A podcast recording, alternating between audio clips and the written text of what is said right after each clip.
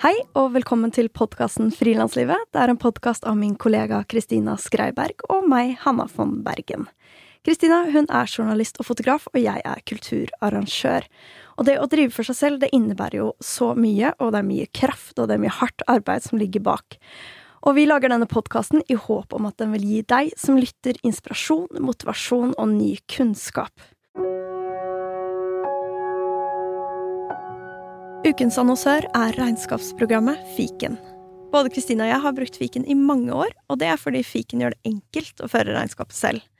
I fiken så kan jeg nemlig sende fakturaer, ta bilde av kvitteringer med fiken-appen, jeg kan levere moms og næringsoppgaven, og jeg kan gjøre alt fra samme sted. Det gjør frilanslivet mitt lettere, rett og slett. Vil du prøve fiken gratis i 30 dager? Gå inn på fiken.no.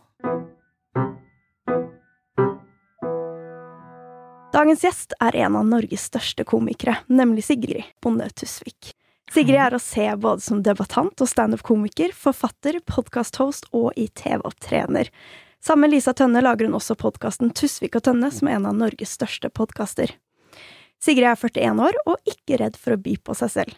Ei heller å stikke ut hodet for å delta i den offentlige debatten. Enten det er av litt mer privat karakter i form av å finne kjæreste og føde barn på TV, eller om det er ved å heve stemmen for kvinnekamp, abortloven, psykisk helse, solidaritet eller helsevesenet. Sigrid har imponerende mengder med engasjement, skamløshet og drivkraft. Og selv om Sigrid nok har delt alt som deles kan, er jeg nysgjerrig på hvordan frilanslivet til Sigrid Bonde Tusvik ser ut. Hvordan rekker hun egentlig å gjøre alt det hun driver med? Hvordan prioriterer hun å ta valg? Jeg gleder meg også veldig til å høre mer om det å heve stemmen, være grenseoverskridende, takle kritikk og ha det gøy i jobben. Hei, Sigrid. Hei! Det var en lang intro og blanda intro. Veldig hyggelig intro, da. Følte jeg vant en pris. Liten pris. Det er veldig hyggelig å ha deg her. Da jeg satt og researchet deg, så kom jeg jo over alt fra standup-forestillinger på scenen, bokutgivelse, kritiske avisartikler til toppløs brystkreftundersøkelse på God morgen Norge. Ja, det er sant. Det yes. jeg ble veldig nysgjerrig på hvordan prioriterer du egentlig hva du skal si ja, og hva du skal si nei til? Jeg prioriterer ikke i det hele tatt, sier alltid ja. Men det tar litt tid, da, sånn som med meg og deg. Så har vi jo brukt litt tid på å avtale at jeg skal komme hit. Eh, men jeg har jo aldri sagt nei, det kan jeg ikke. Eller altså, jeg har sagt jeg kan ikke da, da, da. Men jeg sier som regel ja, og så spør jo alle meg hvorfor sier du ja. For eksempel til denne podkasten, så har jo da to stykker sagt hvorfor har du sagt ja. Og da mener jeg at da er det ekstra god grunn til å ha sagt ja. Det er veldig hyggelig. Jeg lurte jo litt på det samme, fordi om vi sammenligner lyttertall, så er vi en liten fjert i universet. Men, ja, men sånn kan man ikke tenke. Det kan man ikke. Nei. Og vi eh, syns jo det er veldig hyggelig at eh, du er her og deler litt om ditt frilansliv til alle våre lyttere. Jeg mener jo at eh, regelen er at du skal si ja hvis du kjenner i magen din at du kan delta, delta i det hele tatt. Så jeg går etter magefølelsen, og så må jeg jo da ofte bite i det sure eplet etterpå, da, og så blitt litt sliten i nøtta. I dag skal jeg jo ha show i Hønefoss, for eksempel, og nå ringte de og sa at det kommer bare De kan bare slippe inn 20. Eh, og så spurte de vil du ha da dobbeltshow. Og da sa jeg faktisk nei. Mm. Men da sier jeg jo også nei til masse penger. Så da Men jeg tenkte inni meg at eh, jeg tror ikke det er så lurt å kjøre dobbeltshow i dag, for jeg skal ha dobbeltshow i Lillehammer to dager på rad. Så da tenkte jeg at det, fordi å ha show for 20 er sånn helt sinnssykt eh, tungt. Eller nå har jeg til og med hatt show for 10, da. Åtte show for ti stykker i salen veldig, i Bergen. Og da, da, blir du veldig kokt liksom i nøtta. Og da vet jeg jo med meg selv at jeg skal kjøre hjem da dobbelt så seint fra Hønefoss, og så stå opp kjempetidlig med barna, følge dem til skolen, og så ha dobbeltshow i Lillehammer to dager på rad. Og da tenkte jeg inni meg nå må jeg være smart og si nei. Ja og tape penger. er det hardt å si nei, da? Litt det er hardt, fordi, men så tenker jeg at jeg må uansett tilbake til Hønefoss og spille for dem.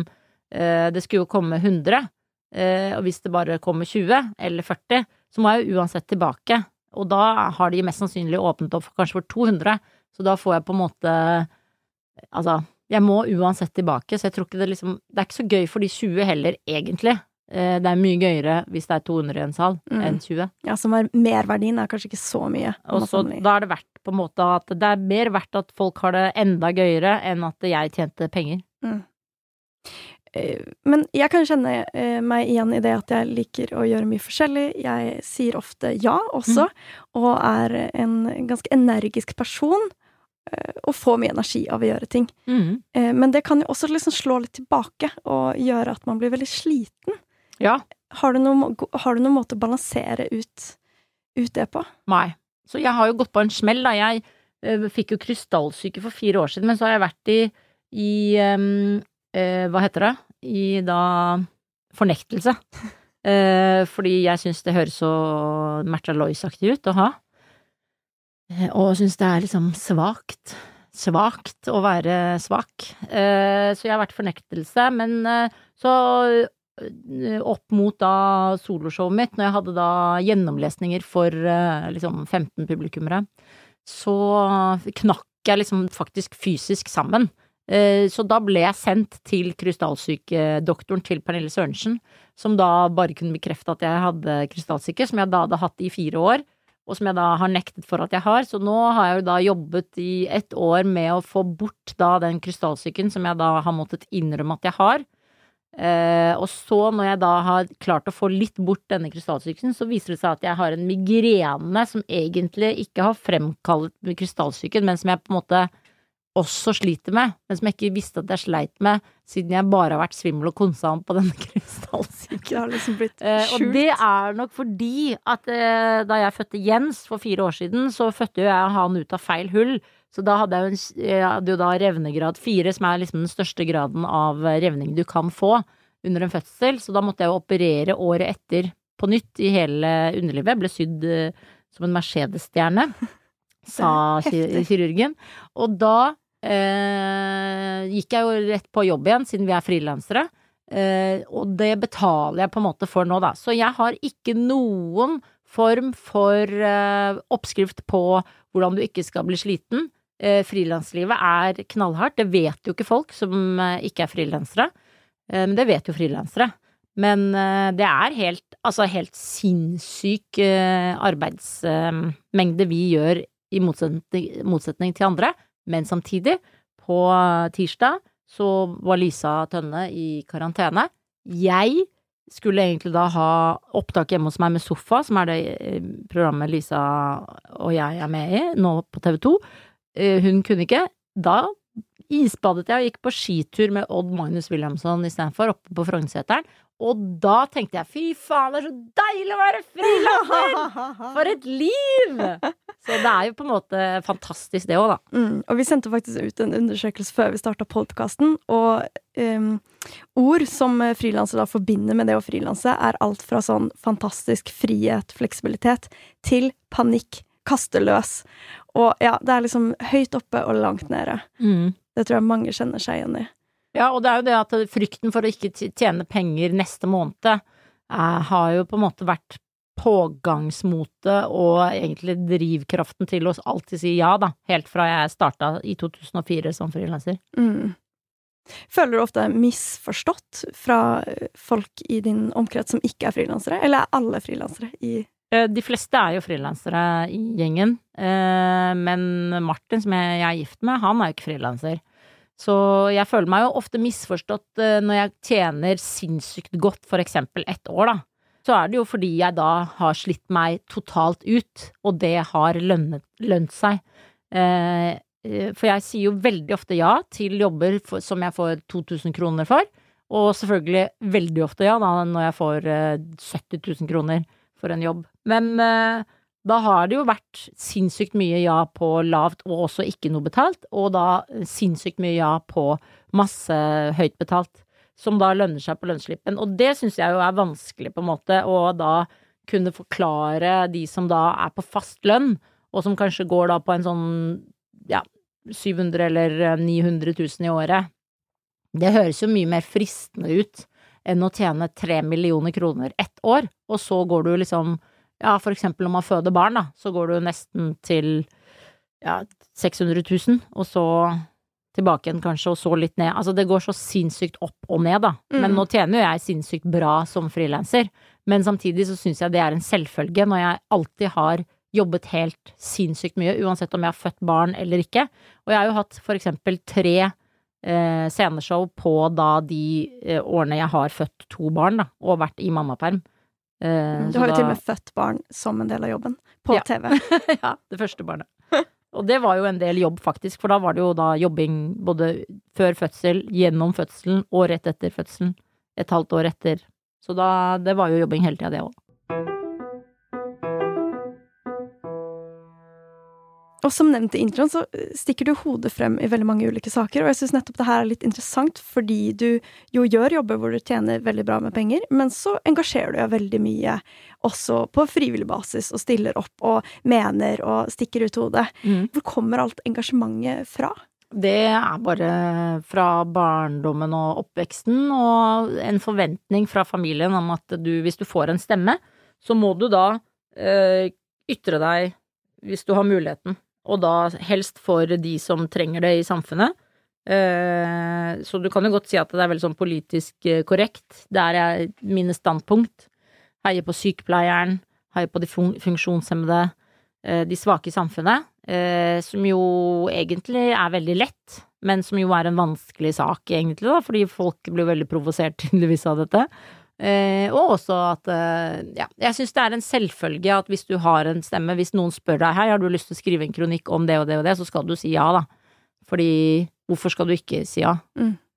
Det er veldig viktig at du tør å gjøre det. Ja, og hvorfor tror du folk blir så provosert, da? Det er jo eh, irriterende med sånne som meg, som kommer og sier noe som er litt sånn det er lett for deg å si.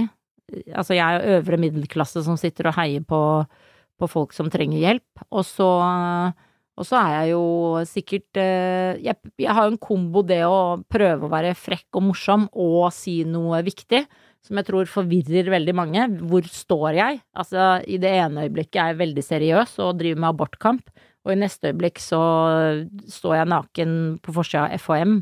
Det er litt vanskelig for folk å plassere meg. Eh, Men det mener jeg er en komikers eh, kunst og plikt å forvirre mennesker, og nettopp få folk til å skjønne at eh, ting er ikke svart-hvitt. Det er et fargespekter der ute, og folk må tåle på en måte at du, du er dobbeltmoralens vokter, da, som vi i Tusvik og Tønne kaller oss. Mm. Og man kan være veldig køddete, men veldig seriøs samtidig. Ja, fordi det er ikke noe Det er ikke sånn livet er. Hvis ikke du er en politiker, da mener jeg at du ikke skal være med i Maskorama og også drive politikk, for det er påtatt og klysete og, og liksom publikumsfrieri. Mm. Og det driver ikke jeg med. Jeg driver jo med hardcore standup, og så driver en podkast som da folk også må skjønne ikke er det samme som standup. Og så driver jeg og skriver eh, samfunnskritiske kronikker i tillegg. Og er grov og i kjeften og politisk aktiv samtidig. Mm. Og du er jo ganske sånn hard av deg. Absolutt. Eh, og er det Men jeg har på den riktige sida, og da mener jeg at det skal gå bra. Men Blir du noen gang nervøs, eller syns du noen gang det er skummelt å ytre deg? Eller sitter det såpass i beinmargen at det, det Jeg blir ikke nervøs av å skrive, men jeg blir jo nervøs hvis jeg skal være med på Dagsnytt 18 og sånn. Det sier jeg jo som regel nei til, fordi jeg allerede har skrevet det. Mm. Så jeg skjønner aldri poenget med å Jeg har skrevet noe som jeg mener på en måte er ut ifra en eller annen debatt i samfunnet. Det er ikke noe jeg har tatt opp og bestemt uh, dette skal bli en debatt. Jeg slenger meg ofte på liksom litt uti debatten, og da skjønner jeg ikke hvorfor jeg må da inn til Dagsnytt 18 og diskutere noe jeg akkurat har skrevet, som jeg har skrevet mye bedre enn å si det muntlig. Så jeg føler alltid jeg taper hvis jeg da sier ja til Dagsnytt 18, både fordi jeg blir nervøs, det ødelegger hele dagen, eh, jeg føler meg dum som et brød, og jeg har ikke noe, på en måte noe der å gjøre. mm. Det er ikke min oppgave. Nei, og det er en helt annen setting også å ytre seg i. Ja, Som pluss at jeg hater jo egentlig det vi nå driver med, å filme egentlig en podkast, da. Det er det verste jeg vet. Og det, det har jo alle radioprogram begynt med, og det er liksom min kjepphest nå, er egentlig det der at vi ikke skal filme radio. Jeg tror, altså dette er ikke så Jeg vet jo at du ikke legger ut hele denne podkasten på film, men for eksempel hvis du er gjest i Nyhetsmorgen, da, så er det plutselig på TV. Det mener jeg ødelegger veldig mye av radioens nydelige univers. nettopp at, eh, at eh, jeg kan komme i pysj og si hva jeg mener på Dagsnytt 18, mens det kan du ikke lenger. Da er det jo med i på en måte indirekte debatten. Så hvorfor har man debatten når man da filmer Dagsnytt 18? Jeg skjønner, jeg fatter det ikke. Jeg synes det er eh, Du ødelegger det nydelige radiouniverset, da. Der du kan være litt sånn stygg, pille nese, eh, se rar ut og teit ut, og, og sitte liksom sånn eh, med øynene inn mens en annen snakker, og si sånn ja, ja, ja liksom Altså, man, man skjerper seg veldig idet man vet at å ja, her filmes det. Jeg har sittet for eksempel og dratt meg litt i håret fordi jeg vet at du filmer. Blir Det hadde jeg jo aldri giddet hvis jeg visste du ikke filma. blir du mer selvbevisst? Absolutt. Jeg skjønner ikke hvorfor de gjør det. Kanskje det, kanskje det tas opp eh, til vurdering til seinere.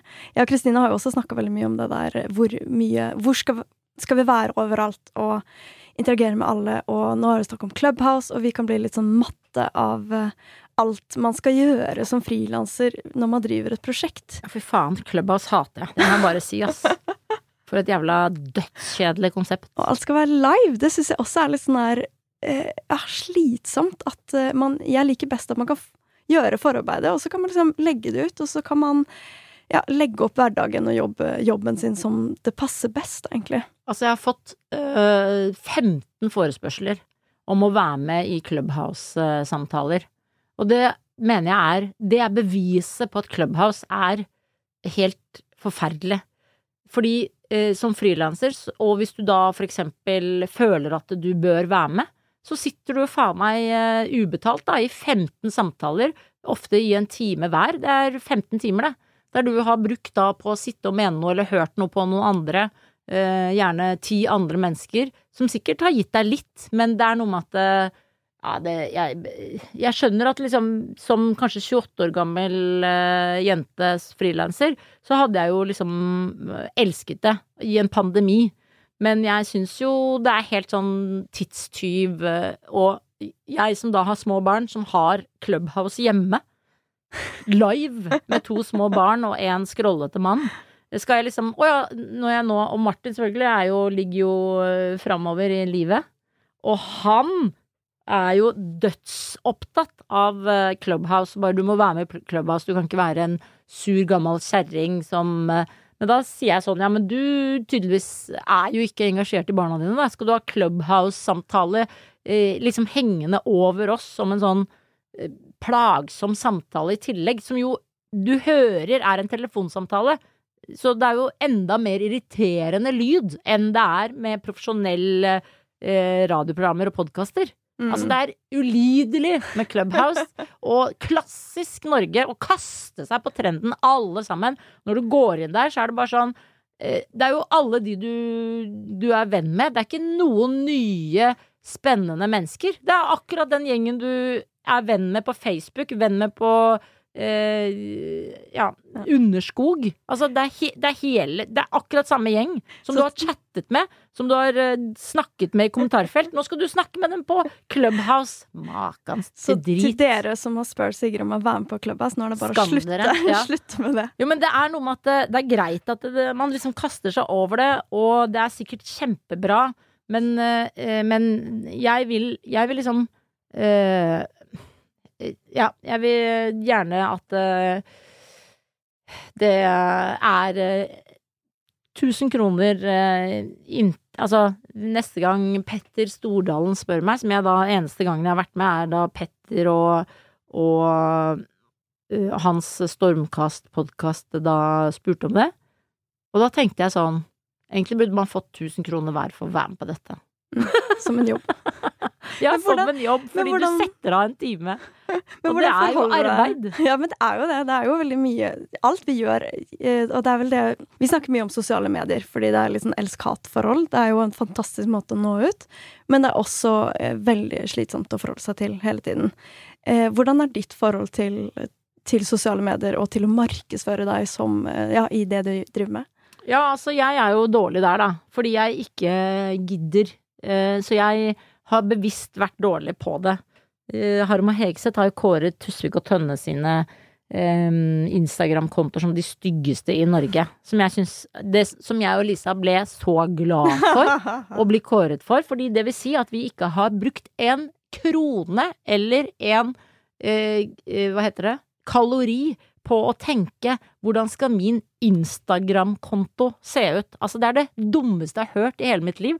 Og når jeg går inn på Harm og Hegseth sine Instagram-kontoer, så ler jeg meg i hjel. For det er jo faen meg bare bilder av dem selv i et klassisk sånn dust eh, filter som de Altså, der de på en måte bare dyrker seg selv. Og det samme Anne Jord, det samme Camilla Pil. Det er så påtatt vakkert, det de driver med, eh, at eh, man blir flau. Det vil si at eh, hvis du, hvis du lever i nuet, og du tenker 'Å, dette her har jeg så lyst til å dele med noen og legge ut på Instagram, men så passer det ikke inn fargemessig med resten av kontoen din, så da kan du ikke legge det ut. Altså da, Det for meg er helt sånn dustete dumt. Du liker det mer råe og upolerte? I og alle litt dager, ikke sitt og tenk så mye. Altså, jeg blir flau at folk skal liksom sitte og lære seg sosiale medier, fordi det veldig ofte blir bevist det motsatte. At det er sånn dette og dette, tenk så mange som kurser, ikke sant. Kurser, bedrifter, kurser. Så gjør bedriften alt det riktige. Vips, så kommer det plutselig noen som gjør helt det motsatte, som ikke har en fuckings jævla plan, og som fucker opp da alle de som driver med de dumme webinarene sine om sosiale medier og hvordan gjøre ditten og hvordan gjøre datten, og da må de legge inn i de dumme powerpointene sine, bortsett fra dette og dette og dette firmaet som plutselig klarte det sånn og sånn fordi de brøyt med malen. Og hva, hva vil det si? Jo, det vil si at det bare vær deg sjøl. Altså, jeg, jeg syns det er merkelig, både de som sier sånn 'jeg skal ta en pause fra SoMe', som er jo det er det dummeste jeg vet om når noen sier fra. Bare, bare logg deg av, da. Altså, ingen kommer til å savne deg. Også de som kommer tilbake og sier 'hei, jeg er tilbake'. What the fuck? Vi visste ikke at du var borte i det hele tatt. Du er jo bare en del av liksom smoothien, SoMe-smoothien. Vi, vi andre har ikke lagt merke til at du er borte. Og så er det det derre med å legge planer og alt mulig. Vet du hva, bare gå Bare vær deg sjøl, herregud. Og hvis du ikke vil være med på det, ikke vær med på det. Ikke skam deg, ikke lag noe mas rundt det. Ikke hold et foredrag om at 'jeg er ikke på Instagram'. Ikke, altså, da, da er du ikke det, da. Så ikke vær så stolt heller av det. Så jeg mener jo at bare bare bruk det for det du vil. Altså, jeg og Lisa legger ut nå er en ny episode ute, liksom. Vi får ikke noe likes på det. Da blir det dårlig algoritme. Jeg gir blanke faen. Altså, i alle dager. Vi kan ikke ha det sånn at vi lar oss styre av det. Og Facebook er jo en sketsj at folk bruker. Altså, det skjønner jeg ikke at noen Men det gjør jo ikke unge mennesker, da, heldigvis. det-. Men det er, Det er ikke. Og Snapchat syns jeg er Altså, jeg har aldri fått en snap som er interessant. Har du det? Jeg har aldri orka å bruke Snapchat. Ikke sant? I, har du noen gang møtt noen, en venn som du møter, og så sier, sier den vennen eh, 'jeg så det på Snapchat', eller jeg eh, 'du burde vært på Snap, for da hadde du'. Aldri har det skjedd at noen har sagt 'herregud, har du ikke Snapchat'? Da går du glipp av veldig mye. Det vil si, faktisk beviset på at Snapchat er helt ubrukelig, er jo nettopp det at ingen har sagt det, du går glipp av noe på Snapchat. For du går ikke glipp av noe! Det er så deilig å vite. Tydelig hvor du står, altså. Her er jo liksom her er Det er kronikkalarm, men det er så kjedelig kronikk at man kan ikke skrive den. Det er gode eksempler på at du hisser deg opp og er engasjert. Ah, Altså, jeg kan jo bare få en bare legge på en tier, så hisser jeg meg opp over sånne ting. Men, Men jeg blir jo liksom skremt av at folk lar seg påvirke. Folk kan altså si at de ble slitne og utslitt og har blitt psykisk syke av å drive eh, SoMe-kontoer. Da må du inn i deg sjøl og ta en eh, Altså, du, et, du lever et fritt samfunn. Det, alt er fritt. Ikke pålegg deg det derre jævla presset. Det er så eh, flaut når du gjør. Det er, her er harde, harde råd. Siden du stikker hodet ut så mye og mener så mye, Ja. eh, da regner jeg på en måte med at du har mye nettroll og mye hate. Ja. Hvordan Det syns jeg er helt uforståelig.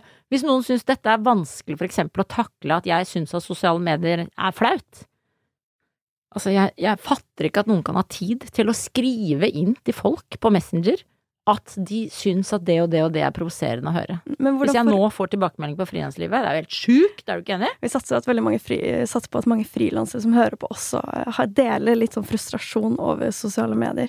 Men eh, hvordan forholder du deg til alle de her kommentarene? Eller forholder du deg til det? Ja ja, til hver enkelt. Men mm, du får det jo inn overalt, det er jo det som er kjedelig, da, ikke sant, å ha sosiale mediekontoer, at du får det på Jeg har jo da en fanside, på en måte, inne på Facebook, fordi du har et begrenset antall venner på den private siden, så da må du ha en sånn fanside der du kan ha 10 000 eller hva faen det er som følger deg. Eh, så da kommer du inn der, så kommer du inn på Tusvik og Tønne ettersnakk-siden, og så kommer du inn på den private siden, så kommer du inn på DM på Instagram og på Snapchat. Så det er liksom det Også på mail, selvfølgelig, da. Eh, så det kommer jo inn hele tiden. Uh, gjerne det, det, som jeg syns er på en måte kjedelig nå i vår tid, er at hvis du gir et intervju med uh, i VG, da, for eksempel, så legger de jo inn gamle saker om deg. Les dette her også. Dette, mm. dette, dette. Uh, hvis du nevner noe som du har gjort, så er det da link til det fra en gammel sak. Så det liksom, det er liksom ofte 20 saker om deg da, i det nye intervjuet som gjør at folk leser da gamle saker om deg, som da folk blir sinte for at de leser, fordi de bryr seg ikke om at å ja, det sto 2011 på den saken. Mm. For de glemmer det, fordi de begynte å lese et intervju om deg, og så raser de seg innover, innover, bakover, bakover. Eh, så du, jeg får ofte hat på ting jeg liksom har sagt i 2010. Og det er på en måte straffa for å være så jævla frittalende, da. Men eh, er, jeg, for meg er det helt uforståelig likevel at man uh, kan hisse seg så mye opp og måtte si uh, Eller det jeg syns er rart, er på en måte at din personlige mening Nå sitter jeg og mener her hos deg, men det er ikke så viktig for meg på en måte det jeg sier. Det er, ikke, det er ikke kampsaken min å ikke ha Snapchat. mens da er det ofte et menneske gjerne da i krenk, generasjon krenk, 22, jente 22, som tenker det er viktig at jeg sier fra til Sigrid Bonde Tusvik at jeg syns det var ganske dritt å høre i en podkast at du ikke liker Snapchat fordi Snapchat har gitt meg det og det og det og det og det. For meg er det helt merkelig at den personen tenker min mening om akkurat dette må hun få vite, for da tenker du faktisk ikke over at det er ofte 150 andre som også følte at de skulle si fra om det. Og det syns jeg Det er jo litt det samme som å skrive en kommentar i et kommentarfelt under en kronikk, da. Mm. At det er sånn Ok, så du, Gunnar, vil gjerne skrive noe, du også? Skriv en kronikk, da. Altså, det er det jeg ikke skjønner. Mm. Jeg skjønner ikke at ikke folk skriver da en kronikk istedenfor å skrive netthat. At det er kanskje lettere Da synes man, synes man ikke like mye. Ja, det, og da ja, tenk å bruke så mye tid eh, på på en måte å skrive under noe som noen andre har ment. Da slenger du Du snylter. Du er jo Du er som en lus, liksom, på andres hode. Men er det noen gang folk har sagt fra hvor du eh, har lært deg noe, eller eh, endra mening, eller, eller, er det mest bare at det kommer hat, og så eh, prøver du å ignorere det? Altså, det kommer hat, og så tenker jeg ja, da må jeg huske på det til neste gang, at jeg ikke må si det sånn, da. Ofte så er det jo ikke noe viktig, ikke sant. Når du får det hatet, så er det sånn ah, det var jo ikke så viktig, liksom. Ja. Altså, noe er viktig. Abortkamp er viktig, kvinnekamp er viktig.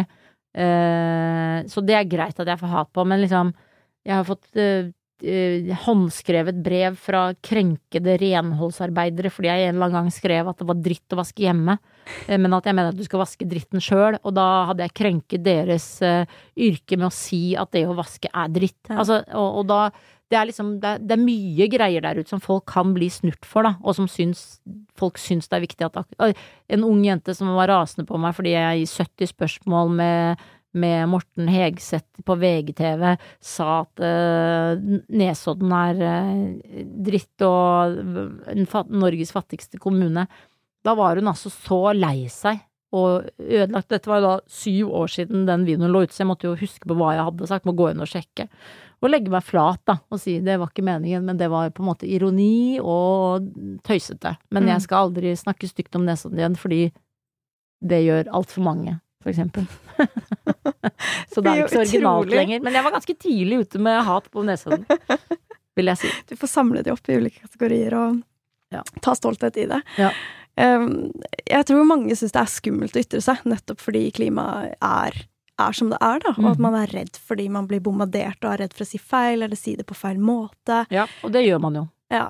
Så det er det du må svelge, og det er det du må tørre. Du må tørre å si ting feil på feil måte og tenke ah, jeg skulle ikke sagt det på den måten. Og så må du tørre å tåle at du angrer for at du har gjort det, og så må du på en måte tenke ja ja, men det er viktigere at jeg faktisk sa fra, eh, og så får jeg stå i dette hatet. Og så står du jo da ganske lenge i den paranoide følelsen at alle hater deg, som jo varer i hvert fall én eller to uker, da. Men så er den over.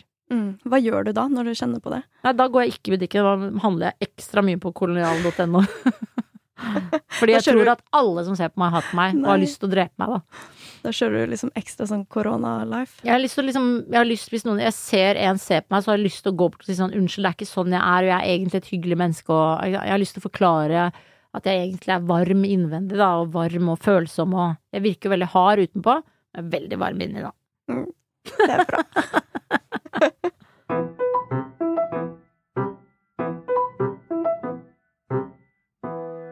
Jeg skal bytte litt spor til eh, Egentlig til komikermiljøet. Ja. Um, for du har jo studert til tekstforfatter på Westerdals. Ja. Og så var jeg litt nysgjerrig på hvor tydelig mål hadde du for hva du ville jobbe med etter studiene? Jeg hadde ikke mål på det, for jeg koste meg så innmari på Westerdals. Det jeg syntes var liksom komisk, var jo de på Westerdals som var sure på skolen, eh, som ikke skjønte på en måte hva du skal bruke Westerdals til. Westerdals skal jo ikke lære deg så veldig mye. Litt lærer de deg, men ikke så veldig mye. Det, det eneste du lærer deg, er på en måte å samarbeide med folk du ikke liker. Du lærer deg faktisk å være kreativ med andre mennesker som du tenker 'jeg liker ikke dette mennesket', og så skal jeg sitte nå i en tre ukers periode og jobbe kreativt med det mennesket. Og det er en fantastisk lærdom. Som, og siden det er en påbudt ja-og-fase på Westerdals, der du alltid skal være positiv, så er det altså helt fantastisk. Mm. Det her kan jeg Eh. relatere veldig til, for jeg har gått på noe som heter Kaospilotene i Danmark. Som jo blir kalt litt sånn gjøgleskole og ja, Post-it-kreativitet-skole. Jo, eh, ble gjort mye narr av. Men det er også helt fantastisk, for det eneste man gjør, er å jobbe i grupper. Og, og hele tida måtte gå ut i den virkelige verden og mm. gjøre et eller annet eh, prosjekt på tre dager, som jo aldri blir noe bra resultat. Nei, men likevel. Men det er ikke derfor derfor du går på den skolen, for at det skal være noe bra resultat. Der og da. Det er jo ikke noe vits i. Mm. Så det er jo Og vi hadde jo masse kaospiloter som underviste oss og var veilederne våre, og det er dritfett. Eh, Jeg elsker eh, både kaospilotene og Westerdals.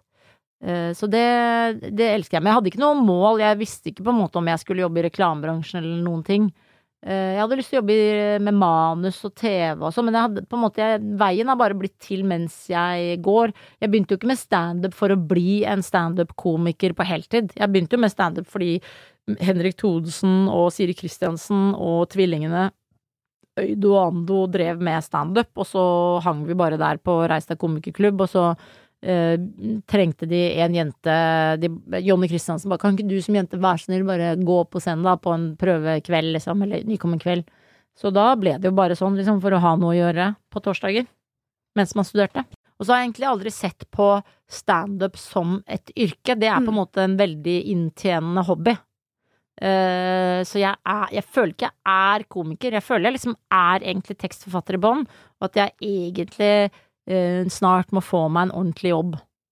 Mm. Men foreløpig så går det bra i hobbyen. Så, så med tittel, liksom, hvilken tittel har du fått som du syns er mest ubehagelig? Og hva Forfatter, det ler jeg veldig av når noen sier jeg bare, det går ikke an å si, for jeg er jo forleggerdatter, og det går ikke an å si at jeg er forfatter. Det er som å spytte forfatter i trynet, så det sier jeg jo aldri. Hva sier du at du er da? Nei, jeg, sier, jeg kan si at jeg er eh, samfunnsytrer, for Mm. eksempel, da. Mm, det er fint. Eh, men eh, jeg leste en artikkel fra desember i Dagsavisen hvor du uttalte at humorbransjen eh, den er veldig amerikansk. Eh, vil du utdype det litt? Sa jeg det i Dagsavisen? Jeg tror det. Ja. Skal jeg skrive feil? Kan ikke stå inne for det jeg sier. Men uh... Dette var i 2008. Nei da.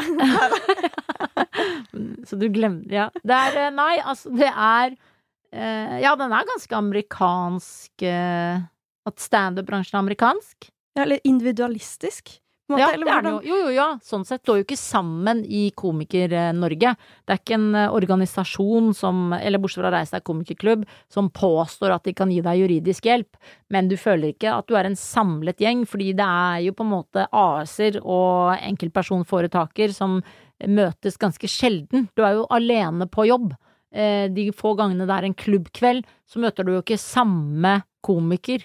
Eh, Så du møter ulike kollegaer hele tiden, og det er liksom nye og gamle om hverandre hele tiden, og alle er i, i konflikt med hverandre, og det er ikke noe hyggelig Det er ikke noe hyggelig miljø. syns jeg, da. Nei. Men det er gøy for det. Og det er Mm. guttastemning, og det er jævlig gøy. Hva er det som Bortsett er fra når det det? er over i metoo-guttastemning. Det er ikke Eh, gøy. Nei, det er ikke. Men det er jævlig gøy med guttastemning. Ja, på hvilken måte? Ja, det er hard, hard vitsing og ganske sånn hardt backstage, da. Eh, som jo er jævlig gøy. Og, og, og så er det jo de gangene du er sammen med komikere som gir deg gode vitser tilbake og gir deg tilbakemelding uten at det blir sånn påtatt 'nå skal du høre her, jenta mi'. Da, da har man det jo kjempegøy på jobb. Fordi man føler at ah, det er så digg med folk som ikke er redd for å gi deg en god vits, da og som ser ditt eh, sett, og som digger at du har gjort et sett, og så digger du det settet til den andre, og at du liksom ikke hater at den andre gjør det bra. Det er veldig gøy når du er med de komikerne, men så har du komikere som ikke er noe rause, som bare kommer, leverer, ikke gir deg noe tilbakemelding og går igjen, Mm. og de er jo ikke noe kule å henge med. Mm. Har du noe ønske for hvordan, du, hvordan komikerbransjen kunne sett ut? Eh, nei. Det syns jeg er veldig rart med de som eh, ønsker seg en annen type bransje. Det går ikke an. Eh, fordi eh, nummer én, eh, standup er ikke et yrke. Liksom, du kan ikke utdanne deg til å bli standup-komiker eller humorist. Så, og det er så mange retninger innenfor både standup og humor. Så du Altså, standup og Det er liksom Det er noe helt annet. Altså, det går ikke an å sammenligne med noen ting som helst innenfor kunst. Det er liksom ikke det er, Du kan ikke sammenligne det med skuespilleryrket i det hele tatt, liksom. Det er helt annerledes. Og det er jo både fordi at eh, alt kommer fra deg personlig. Du spiller ingen rolle. Du må være ekte, ellers blir du påtatt, og du blir fort kledd av. Eh, og derfor kan det liksom ikke være annerledes heller. Det må bare være sånn som det er, og det må bare være en liksom eh, rar materie som er på vei et sted. Derfor kan du heller ikke rekruttere inn jenter. Eh, og det pleier jeg jo alltid å si, at eh, når jeg får spørsmålet hvorfor er det så få jenter i miljøet, så er det absolutt ikke for få jenter i miljøet. Det er bare altfor mange menn. Det er faktisk sant. Det er altfor mange gutter som ikke burde vært standup-komikere, som tror, altså med høy selvtillit, at de er det. Men de burde bare gitt seg, sånn som veldig mange jenter gjør. Så jenter har mer selvinnsikt og tenker 'dette her var ikke noe for meg', mens det går liksom ofte ti år før da en gutt tenker 'ja, jeg får bare slutte da'. Ja. Da har de holdt på i jeg mener i hvert fall syv år for lenge. Det her er faktisk, for Jeg har jo jeg har tatt en eh, utdannelse også i entreprenørskap og innovasjon, veldig Mm. stort og fluffy. Men noe litt interessant der var at kvinner ofte setter en veldig sånn realistisk mål på hvor mye av eh, bransjen de skal liksom ta. Så skal man jo tenke hvor mange kunder har du. Og de tenker ganske sånn realistisk dette får vi. Mm. Mens menn de går med på et sånn ønska scenario, mm. sånn at de får mye mer investering. Fordi de, man skal være liksom breial og tro på sitt eget produkt og Mm. tjeneste. Så det har egentlig straffa seg litt for kvinner, da, i, i forhold til investering og oppstartsmiljø. Ja, jeg var på kvinnedagen var jeg på en jobb for Soprasteria, som er en konsulentfirma. Det er Johannes Brodvald, som også jobber på en høyskole. Han fortalte det at eh, tech-studenter, der eh, sitter jentene veldig ofte og på en måte går eh, Hvis du går i lås, da, liksom, og dette går ikke, så sitter jo gutter og aldri på en måte gir seg. Mens jenter trekker seg unna og tenker 'nå bør jeg gi meg litt'. Eh, ta en pause, eller eh, Ja, altså og de er, men så sier han at jenter er veldig mye mer strenge mot seg selv, da, sier liksom, sier veldig ofte til seg selv 'jeg burde egentlig ikke drive med dette', eller 'jeg burde kanskje ikke vært tech-student, jeg'. Mens eh, han sier at det er påfallende mange gutter som på en måte ikke burde vært eh, tech-studenter, som aldri tenker den tanken. Mm. Å, det er litt tragikomisk. Ja, men det er veldig viktig for jenter å lære på en måte attituden til gutter. Mm. Eh, og jeg eh, prøver jo alltid det, da. Prøver å være gutt på eh, to områder. Og det er for eksempel det å si ting og ikke se seg tilbake, som jeg føler er en veldig guttete ting. Jenter kan sitte og gnære og gnuge, altså gutter gjør jo også det, eh, følsomme, fine gutter. Men hvis du liksom eh, har, Hvis du ser på gutt som litt sånn brautende gutt, da, så går jeg for brautende gutt, ser meg ikke tilbake, tenker eh, jeg gir faen, jeg går videre. Og da kan du få en litt sånn rykte på deg at du er nettopp litt sånn tøff i trynet og hard, men det tror jeg er litt sånn forsvarsmekanisme også for nettopp å, å si ting og tørre ting og, og gjøre ting.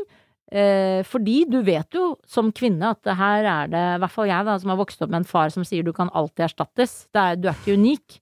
eh, så er det liksom Du vet at her er det fem andre som kan gjøre akkurat den jobben, og mest sannsynlig tre som kan gjøre den dobbelt så bra som deg. Mm. Eh, så da er det viktig å ha litt sånn derre gutteattituden.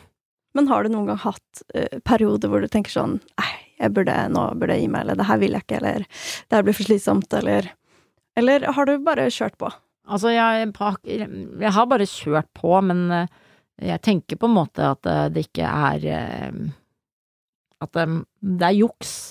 Det provoserer veldig mange komikere. Når jeg sier for eksempel sånn Det er juks at vi får så bra betalt.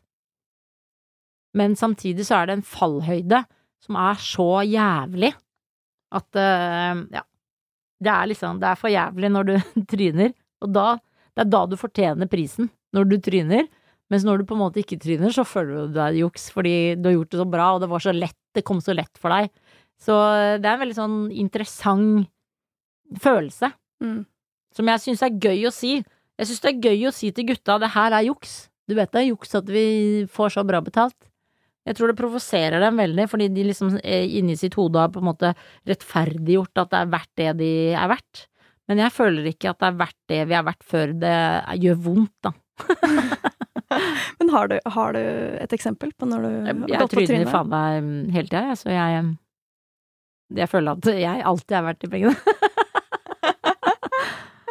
jeg føler liksom at um, Jeg syns det for eksempel er veldig juks med komikere som som kommer til en godt betalt firmajobb og ikke har skrevet i hvert fall 70 eh, nytt materiale til det firmaet. At du kommer og safer deg med gamle vitser som du har hatt på Latter og, og Josefines og Riks i Bergen eh, liksom i fire år, det syns jeg er juks. Det er greit at du har 30% av det, men 70% skal være spesialskrevet til det firmaet når de betaler så godt eh, for at du skal komme. Men det vet jeg jo at eh, ekstremt mange ikke følger, da, både kvinner og menn i bransjen. Men jeg har en veldig sånn streng regel på det for meg selv, sikkert også fordi jeg er utdannet tekstforfatter og jeg liksom vet selv at jeg jeg er utdannet til å skrive tekster, så jeg syns man skal skrive tekster når man er leid inn for liksom 70 000 kroner, da, til, eh, som konferansier, og du skal jobbe Ok, du skal jobbe åtte timer, men, eh, men det skal være jævlig bra. Og da er jo fallhøyden mye større, for det er helt ferske vitser som du aldri har prøvd på noen. Og du står foran ofte da 500-600 stykker foran i en svær sal, og så funker ikke den vitsen, og da tenker du jeg er verdt 70 000 kroner. Å, det er så Men så har du en god vits etterpå, og da tenker du ah, dette kunne jeg gjort gratis. Ja, det er bra.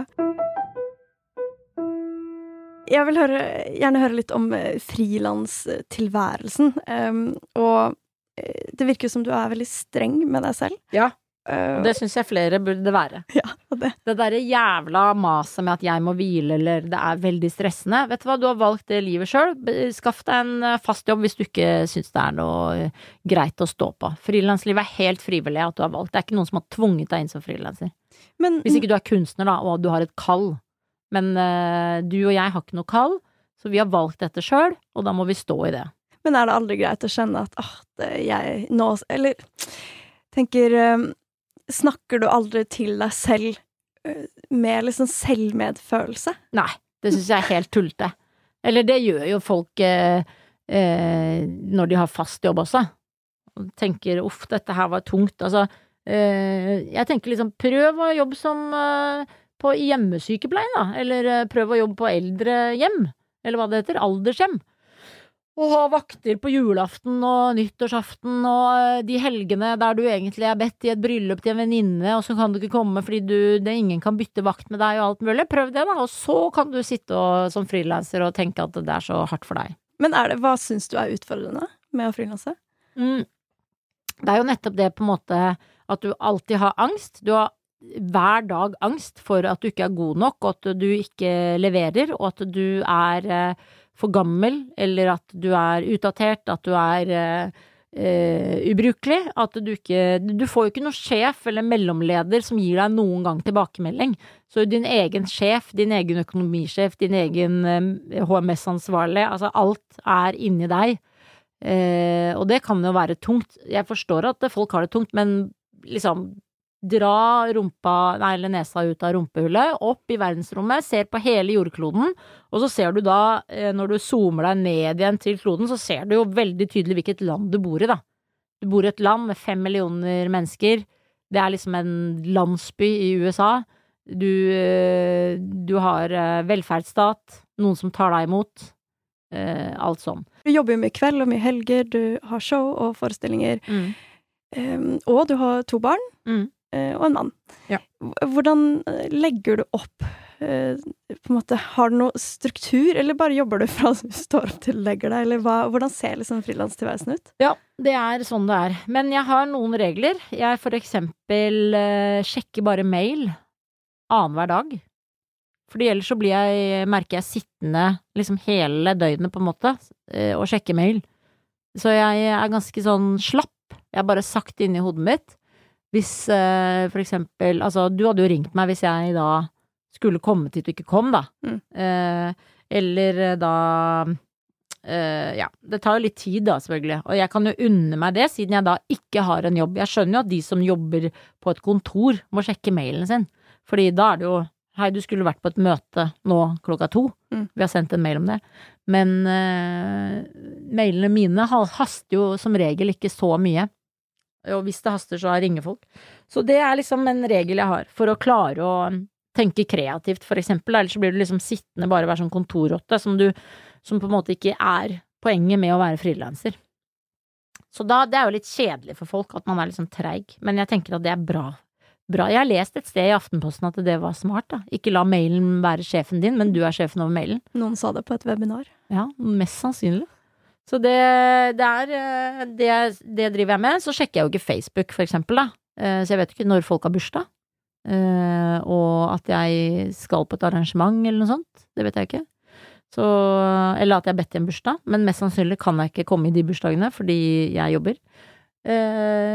Og så ja, står jeg opp med barna, ganske sur. Og så har jeg liksom mye sånn ja, dårlig tid, da. Eh, og så er jeg veldig streng på det å rekke skolen og sånn. Det, det er ikke lov å ikke rekke skolen. Martin har en litt annen attitude på det. Han er født et kvarter for seint, så, så han eh, bruker litt tid på sånne ting. Så da overkjører jeg mye han, og da er jeg veldig rasende. Jeg er rasende liksom på ting når vi skal rekke ting, da. Så folk får mye kjeft på at de ikke skjerper seg, mens jeg syns jo det er fordi det, jeg hater selv å komme for seint, og etter at jeg fikk barn, så kommer jeg for seint til alt, så jeg blir liksom stressa av meg selv, som ikke lever etter den regelen jeg har om at man skal komme tidsnok. Mm. Eh, men så, eh, så har jeg da bare egentlig at du skal gjøre jeg liksom, Trikset er å legge eh, jobber bak i hodet, og la det Jeg liksom vet at nå er det tre uker til jeg skal skrive Dagsavisen, så liksom legger jeg den beskjeden inn i bakhodet som jeg lærte på et eh, foredrag med John Cleese. Legg det bak i hodet, så ligger det og jobber, og så henter du det opp da tre dager før. Og da har det ligget og jobba, ubevisst, som jo er veldig bra. Så det er trikset. Blokke ut eh, sosiale medier, mail, og være sur og eh, legge ting bak i hodet. Ja, og i hvert fall ikke liksom sjekke hvor mange likes du har fått på et bilde, for eksempel. Mm. Du går inn på Instagram, ikke bry deg om at det er 15 stykker som har skrevet noe under bildet ditt, for eksempel. Det er Av og til så gjør jeg det, og tenker sånn åh, dette var waste. Ja. Tenk at jeg gadd, tenker jeg da. Så jeg er ganske hard i hvordan du På den måten er du hard i hvordan du prioriterer hva du sier ja og nei til, da. Mm, ja, eller jeg liksom tenker i hvert fall at Instagram skal ikke bestemme over meg. Og det skal ikke VG heller, liksom, hvis de Og jeg har jo push-varsler og lyder på alle em, alle kontoer. Det sier pling, plang, pling, plong. eh, Kling, kling, kling, klang. Og jeg har alltid lyd på mobilen hele natta. Alltid lyd. Hvorfor det? Fordi jeg elsker å bestemme over mobilen, og aldri la meg Og Martin blir jo så stressa. Han er jo. Han er liksom solgt iPhone har kjøpt sjelen hans. Og det gosser meg at vi kan sitte, spise middag, og telefonen ringer i gangen. Og han sier eh, 'telefonen ringer', eller 'nå får du fem SMS'. Og han sier 'hvorfor har Jeg blir stressa av de lydene dine'. Og så sier jeg til familien i gamle dager, når vi hadde vanlig telefon, så ringte telefonen mens du spiste middag, og da gikk du ikke og tok den telefonen. Da sa du jo, da sa familien nei, nå spiser vi. Og du visste ikke engang hvem som ringte. Du kunne aldri ta opp røret og eh, vite hvem det var da. Altså, i ettertid så var det bare en eller annen som ringte deg, som ikke fikk tak i deg. Det er veldig sunt for Mm. samfunnet at du la, sier til deg selv 'Jeg hører at du plinger, men jeg sjekker deg ikke'. Det er en kjempegod øvelse. Det bør man prøve. Ja, Være litt mer utilgjengelig. Ja, bare, eller la Fordi ikke driv sånn 'jeg har skrudd av alle, jeg må skru av alle'. Det vil si at mobilen din har bestemt over deg, da. Siden du må skru av alle plinger. Ja, jeg syns jo det er veldig deilig at uh, ofte at man bare kan legge bort mobilen, kanskje i en skuffe eller i jakka, eller ikke ta den med ut. Ja ja, det er veldig fint. Uh, og fordi det er jo irriterende at den plinger. Ja, men når du nå plinger, hvis du da dessverre har ikke et skudd på lydløs, bare øv deg på at jeg hører du plinger, men jeg sjekker deg ei. Liten straff til Fordi da er jo du herre samfunn. over ditt liv, eller kvinne, eh, dronning over ditt liv, da. mm. Hva er det du syns er best med å frilanse? Det er jo friheten, da, at du liksom kan gå på ski hvis du har eh, tid. Be- Benytter du deg av den muligheten? Litt nå. Ja, mye mer nå når jeg har bikka opp i åra, enn eh, da jeg var 25. Da gikk jeg aldri på ski, men da hadde jeg ikke lyst til å gå på ski heller. Men eh, det var liksom Ja, det er mye Mye diggere nå, på en måte, å gjøre. Så det er jo sånn Det er deilig. Og så eh, Men det er jo litt med økonomi å gjøre òg, da. At eh, jeg har liksom fått en økonomi som gjør at jeg kan gjøre det. Eh, Men jeg har jo angsten fremdeles av å gå konk, på en måte. Så det er litt dritt. Hvordan har korona For jeg vet at du hatt et, eh, en, din egen soloforestilling Ja. i fjor. Jeg har den ennå. Ja, du har den ennå, men det, da var det premiere. Ja. Hex on the beach. Yeah. Um, og det har jo, virker veldig heftig å kunne ha en forestilling i korona. Hvordan har egentlig korona vært sånn i forhold til jobben din? Nei, altså den er jo Ja, for eksempel nå, da, at de ringer eh, fem timer før en forestilling og sier det kommer bare 20 og ikke 100 inn i salen. Eh, Mens det verste er på en måte I går skulle jeg hatt show på Nøtterøy. Så får du liksom beskjed uka før. Det blir ikke Nøtterøy, men Nøtterøy flyttes til mai. Så det er liksom det eneste som er hardt, er det der at du lever fra uke til uke fra beskjeder fra Raimond og Erna og Bent Høie. Eh, sånn psykisk så blir du, du Du sitter hele tiden og vet at eh, jobben din samler seg opp utover eh, våren og utover høsten, så du, eh, du liksom roer deg ikke ned på en eller annen sånn åh, tenk så digg, nå har jeg tre uker fri. For du har på en måte plutselig fri i helgen, og så vet du at eh, men den hel denne frihelgen der straffer seg eh, både økonomisk, da, fordi jeg må jo da nå spille på en måte inn de tre-fire månedene jeg nå ikke har fått spilt. Eh, Så jeg får jo ikke solgt nye, ferske billetter før jeg har spilt inn fire måneder bakover. Mm. Så det er jo økonomisk eh, dritt, og det er derfor jeg mener på en måte at eh, du fortjener den støtten du får av eh, myndighetene, da. Fordi du nettopp ikke får solgt de ferske billettene dine. Fordi du Og også mener jeg at du da, når Ikke sant, sånn som jeg spilte da åtte show i Bergen for ti mennesker, det gjorde jeg jo fordi du gir da penga dine til de permitterte i Standup Norge, til den permitterte lydfrilansmannen, til eh, Ole Bull som har vært stengt, som ønsker å holde seg oppe. Så det er jo det der å være raus med andre da i frilanslivet ditt. Du, altså eh, Fordi Bård og Atle gadd ikke å dra helgen før, liksom. Mens jeg tenkte jeg skal faen meg dra. Jeg skal faen meg gi eh, Ole Bull de, eh, den leia som de trenger for å overleve. Mm. Ja, holde, eh, holde ting i gang. Ja, fordi du skal ikke tenke da nei, det gidder jeg ikke, det er så mye jobb, og det er så psykisk påkjenning å holde show for ti stykker ganger åtte, eh, som jo sikkert kanskje Bård og Atle ikke orket eller gadd, mens du skal, som eh, Norges rikeste kommunist, som Lisa kaller meg, tenke på de andre involverte som trenger de pengene. Eh, og se gleden over at folk faktisk er på jobb da, på et kulturhus. Det er utrolig koselig. Mm. Så det Ja, det er veldig fint, da. Mm. Men så det er ikke så veldig dritt, liksom. Jeg har jo fått masse, mye mer fri enn jeg skulle, men det henger liksom over meg hele tiden at jeg eh, skal jobbe neste uke. Shit, nei, jeg skal ikke det likevel. Jo, nå skal jeg. Nei, jeg skal ikke. Ja. Ja. Så det blir litt sånn veldig frilansete, da. Jeg kjenner meg veldig igjen i det der, og jeg har en eh, svensk samboer som Oi. ikke kommer inn i Norge, så jeg er da eh, rekolalis- relokalisert til Falun. eh, Med en liten lite sted i Dalarna i Sverige.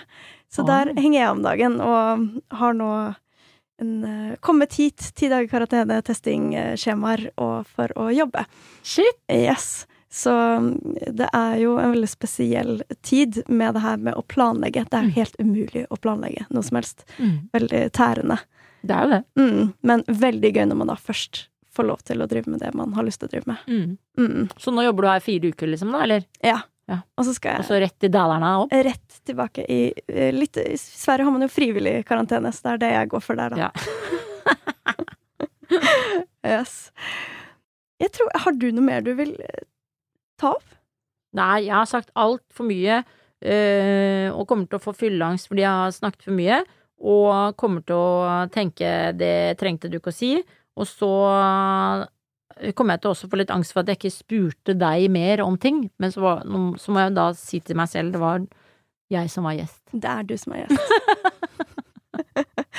Da frigjør jeg deg fra all angst. Å, det har vært kjempe, kjempefint av deg her. Veldig koselig å være her. Eh, Da, hvis, til dere som nå ble litt sånn sjokkert over den harde røde eh, tråden her, så kan du høre på psykolog Per Einar Binder som snakker om selvmedfølelse i en annen episode. Så kan du ta fram denne episoden igjen. Når du trenger den lille andre personen på skulderen din, så kan det være litt den mer harde personen som sier at nå tar du deg sammen, og kjøre på i ditt Ja, men det, det får du til. Herregud, det er lov å være lessen, men øh, ja, dette er frivillig liv, og du lever i verdens beste land, og du lever i verdens nest beste land, Sverige, så vi har det egentlig helt på topp. Mm. Veldig fint. Yes. Tusen takk, Sigrid. Takk for meg.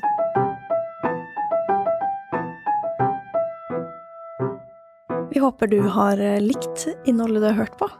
Hvis du har det, så gå veldig gjerne inn på iTunes og gi en liten tilbakemelding og gi en liten rating. Og spre gjerne ordet til en frilansvenn eller to. Så kan vi fortsette å lage frilanslivet og forhåpentligvis gi deg mye godt frilanssnadder fremover.